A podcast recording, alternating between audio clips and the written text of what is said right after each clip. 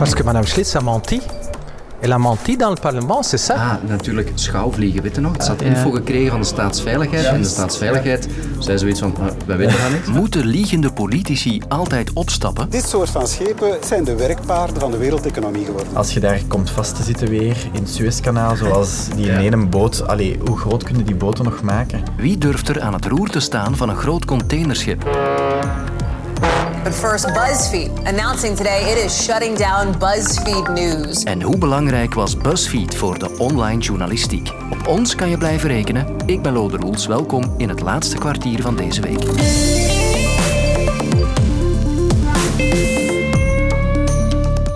De politieke carrière van staatssecretaris Sarah Schlitz van Ecolo hangt nog altijd aan een zijden draadje. Ze liet haar persoonlijke logo opnemen in campagnes die ze als staatssecretaris voor gelijke kansen steunde.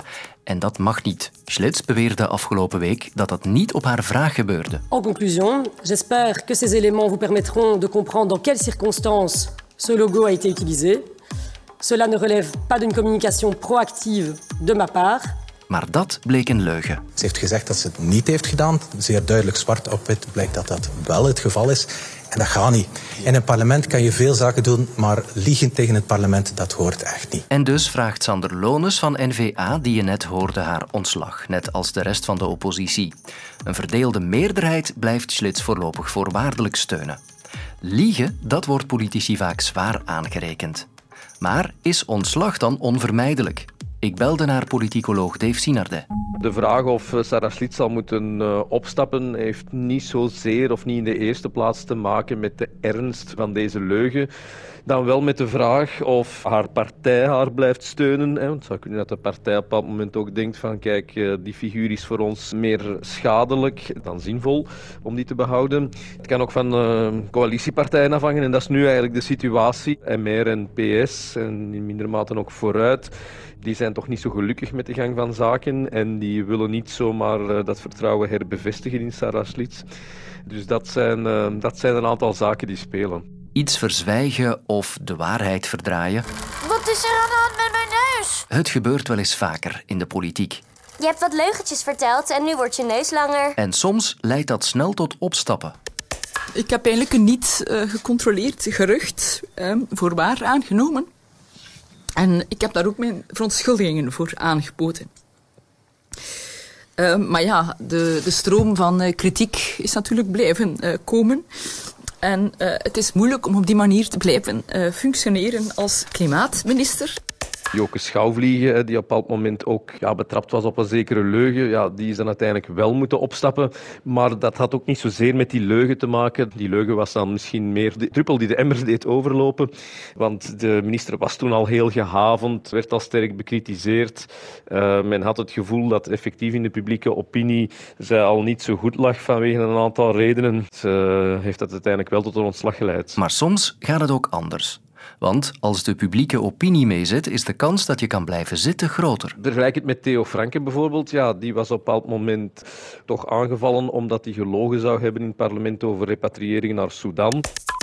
Mensen die na 24 uur uh, al zeggen er moet een ontslag komen of hij is menselijk ongeschikt of uh, ja, die een grote hysterie opvoeren, dat zijn eigenlijk mensen die terug naar het open grenzenbeleid van vroeger willen. Dat hebben we nu 30, 40 jaar gehad. Ja, wat ons betreft is dat dus echt gedaan. Hè. Toch uh, heeft zijn partij nooit beslist om hem daarvoor op de vingers te tikken of uh, laat staan om effectief in te gaan op uh, vragen voor ontslag. Omdat zij ervan uitgingen dat de publieke opinie dat eigenlijk misschien toch niet zo erg zou vinden. Ze gingen ervan uit dat al die aanvallen op Franken en die vragen om ontslag, ja, dat die misschien eerder zijn populariteit zou, zouden versterken. Dus, dus de N-VA heeft toen geoordeeld dat er geen sprake was van, of moest zijn van, van ontslag van Theo Franke. Conclusie: in de wedstraat is de ene leugen de andere niet. Op zich is liegen in de politiek helaas misschien eh, niet zo uitzonderlijk. Volgens de filosoof Hannah Arendt is het zelfs een gerechtvaardigde, legitieme methode in de politiek. Dus of politici daarvoor moeten boeten of niet, uh, hangt meestal niet uh, noodzakelijk af van de leugen zelf. Hè. En zeker in de Belgische politiek ja, is het concept van ministeriële verantwoordelijkheid, hè, dus uh, dat je als minister verantwoordelijk bent voor dingen die verkeerd lopen en dan ook ontslag moet nemen, is dat toch ook minder streng toegepast dan in andere landen zoals Nederland.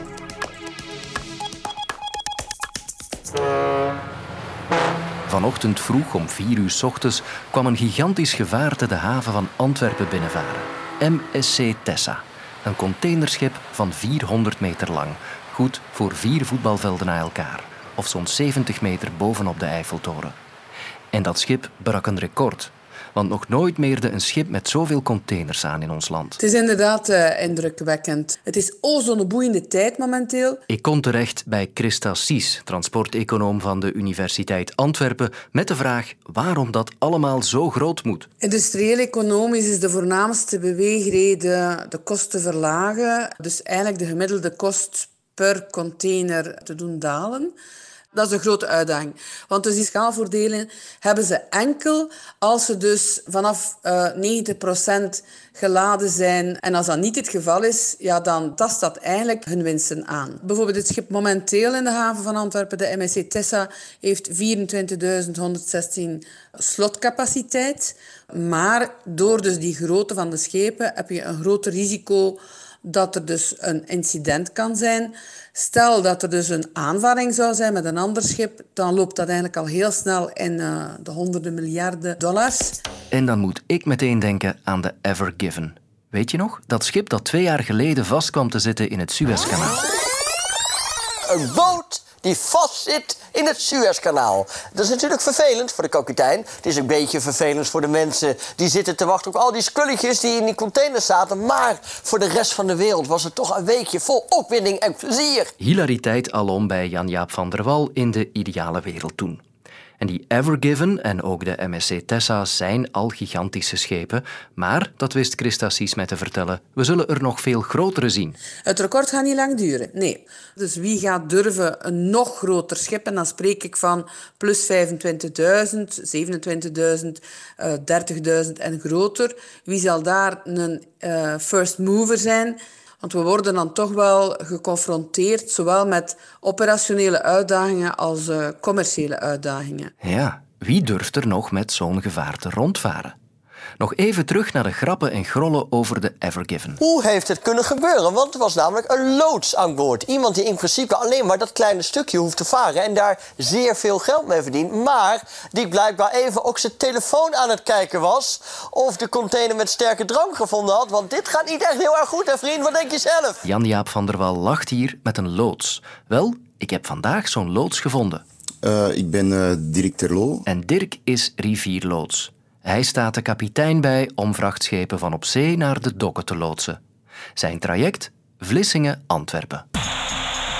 Dus uh, iedereen is eigenlijk gespecialiseerd op zijn traject. Bij ons is dat aan de rivier, dus wij kennen alle dieptes, alle boeien, alle stromingen. En uh, aangezien dat we er dan ondertussen ook al twaalf jaar mee bezig zijn, ja, is dat eigenlijk min of meer gekend als onze broekzakje. De Schelde kent hij als geen ander. En ook met grote boten heeft hij tonnen ervaring. Ik heb vorige beurt de MSC Apollina afgevaren. Tien uur s'avonds vertrok die uit Deurgang-Dok. Ik denk dat voor elke loods kan spreken. Voor ons zijn dat ook uh, ja, indrukwekkende kippenvel-nachten. Uh, maar uh, nee, makkelijk zeker niet. De grootte van zo'n schip maakt dat er zeer weinig marge is voor fouten. Daar zijn extra maatregelen voor genomen. Dus we zijn bijvoorbeeld ook met twee loodsen aan boord. Allee, is die een tweede loods al zeker wenselijk als extra ogen. Maar uh, de tweede loods heeft ook een uh, ja, full toestel mee. Dat is eigenlijk een laptop met een GPS-pot erbij. We geven daar de afmetingen in van het volledige schip. En dan krijgen we eigenlijk een perfecte positie, perfecte snelheden, ook perfecte draaisnelheden. En met die kunnen we eigenlijk tot op enkele centimeters nauwkeurig kunnen we met dat schip varen. Dat is een, een heel belangrijk toestel. Gewoon omdat die dimensies van die schepen maakt dat je gewoon x aantal meter, ligt nu 500 meter voor het schip, zien wij eigenlijk niks. En dan kunnen we niet anders dan eigenlijk op die toestellen vertrouwen. Dus daar moet echt vinger aan de pols en kunt niet zeggen, we zullen hier 30 seconden wachten of 20 seconden, want ja, dan kan het wel eens te laat zijn. Het is nu al zo'n precisiewerk. Botsen die grote schepen dan niet stilaan op hun limieten? Nee, ik, ik denk het niet. Hè. Als ik 15 jaar geleden binnenkwam, dan zeiden ze ja, 300 meter is het maximum. En ja, we zien dat we nu al aan 400 zitten. Dus uh, ja, voor ons als loods is het uh, eigenlijk heel simpel. Uh, gaan wij er alles aan doen om telkens die evolutie toch maar te kunnen volgen. En ja, dat is waanzinnig, waanzinnig plezant.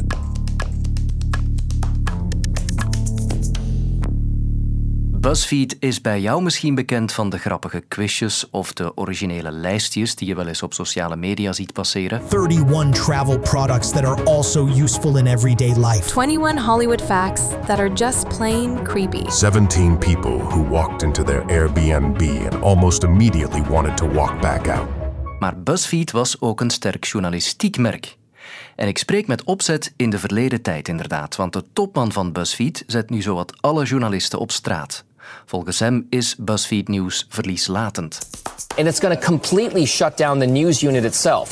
All of the news content at BuzzFeed will be folded up and wrapped up into its HuffPost, Huffington Post unit. BuzzFeed was nogthans ooit een van de pioniers op het gebied van online journalistiek en het werd vaak gekopieerd. Hoe belangrijk was de site? En waar is het aan fout gelopen? Hallo, goedemiddag. Ik kan het vragen aan Christine van Damme. Ik ben onderzoeker media en innovatie bij IMEC en UGent en heb een achtergrond in journalistiek. Ja, BuzzFeed.com is eigenlijk zo de pionier van online nieuws. Dat is wat wij een born online nieuwsmerk noemen. Dus eigenlijk in 2006 al waren zij actief als online nieuwsplatform. En zij zetten eigenlijk vooral in op sociale media. BuzzFeed.com is heel gekend voor zogeheten listicles, of de lijstjes door journalistiek. Dus dat is uh, zeven dingen die je moet weten over, of uh, deze tien dingen wist je nog niet van. Wij noemen dat infotainment, dus het is leuk en tegelijkertijd informeert het ook wel. En BuzzFeed News, waar we het over hebben vandaag, is daar eigenlijk een subtak van. Dus echt een redactie van uh, 180 journalisten die echt um, actief gaan op zoek gaan naar diepe verhalen en kritische stukken gaan gaan schrijven. BuzzFeed News won in 2021 de prestigieuze Pulitzerprijs voor artikels over heropvoedingskampen voor Oeigoeren in eh, China. Er werkten ook enkele bekende journalisten. Het was eigenlijk toch een sterk merk dan. Ja, inderdaad. Dus um, er zijn redelijk wat um, online redacties die echt aan kwaliteitsjournalistiek gaan, gaan doen. Dus het is niet zo omdat het een recente nieuwsmerk of een nieuwsredactie is dat die geen kwaliteit kunnen merken, uh, gaan, geen kwaliteit kunnen gaan opleveren. Um, maar wat we merken is dat ja, het linken van die kwaliteit aan het merk BuzzFeed is waarschijnlijk niet helemaal geslaagd. Ik vrees gewoon dat hun merk BuzzFeed.com zo sterk was dat ze niet meer erin geslaagd zijn om dat te gaan koppelen aan kwaliteitsjournalistiek. Los van de output die wel zeer kwaliteitsvol was, dat het publiek gewoon dat niet echt associeerde met hen. Ja. En is het daar fout gelopen? Want BuzzFeed zelf zegt dat er te weinig reclameinkomsten binnenkwamen. Het soort lijstjesjournalistiek, dat leidt zich ook veel meer naar sponsoring of product placement of samenwerkingen met bedrijven, waardoor de, hun, ja, hun geld binnenkomt via advertenties. En bij kwaliteitsjournalistiek is dat natuurlijk helemaal niet het geval. Daar reken je als bedrijf veel meer op abonnees of mensen die echt geld gaan gaan geven aan mediabedrijven. Ja, en daarvan zegt de grote baas, er is geen businessmodel in online kwaliteitsjournalistiek. Mensen willen daarvoor niet betalen. Vindt u dat ook? Nee, daar ben ik het eigenlijk echt niet mee eens. Het is zo dat doorheen de jaren dat er eigenlijk een steeds hogere betalingsbereidheid is voor online nieuws. We zien als het gaat over betalingsbereidheid van nieuws een soort winner takes it all principe. Dus het zijn echt de gevestigde nieuwsmedia waar dat de grootste betalingsbereidheid voor is. En dat is er vaak maar eentje. Dus het is niet zo dat er geen betalingsbereidheid is, maar dat gaat naar één bedrijf en dat ene bedrijf zal niet BuzzFeed News geweest zijn. Dat model, dat format is ook vaak gekopieerd, ook in ons land. Hè? Ja, ja, klopt. Wij hebben Newsmonkey, dat eigenlijk een heel gelijkaardig soort opzet heeft. Heel snackbare content, zeer toegankelijk. Combinatie van entertainment en um, echt gaan informeren. Maar anderzijds merken we dat ook gevestigde nieuwsmerken ook gaan experimenteren met hun format. Je hebt ook zo steeds meer de servicejournalistiek, zoals dat dan heet, zoals het gaan helpen bij het invullen van de belastingen of tips om goed te gaan um, tuinieren bijvoorbeeld. Dat zijn van die zaken dat vroeger niet per se gelinkt werd aan um, klassieke nieuwsmerken, maar dat we vandaag wel zien. En dat is ergens wel door um, bedrijven als BusNews, dat dat, of hun stijl, dat dat is doorgedrongen bij ook klassieke nieuwsmerken. En hier zijn vijf goede redenen om na het weekend opnieuw naar het kwartier te luisteren. Je krijgt drie interessante verhalen te horen. Op amper 15 minuten ben je bijgepraat. Het is volledig gratis, luisteren kan wanneer je wil. En Sophie van der Donkt presenteert op maandag. Tot dan. Heb je vijf minuten? Michel Cuvelier zet elke vrijdag vijf nieuwe nummers in je playlist. De nummers waarvan je nog niet wist dat je ze nodig had. Ontdek vijf voor je playlist, nu in de app van VRT Max.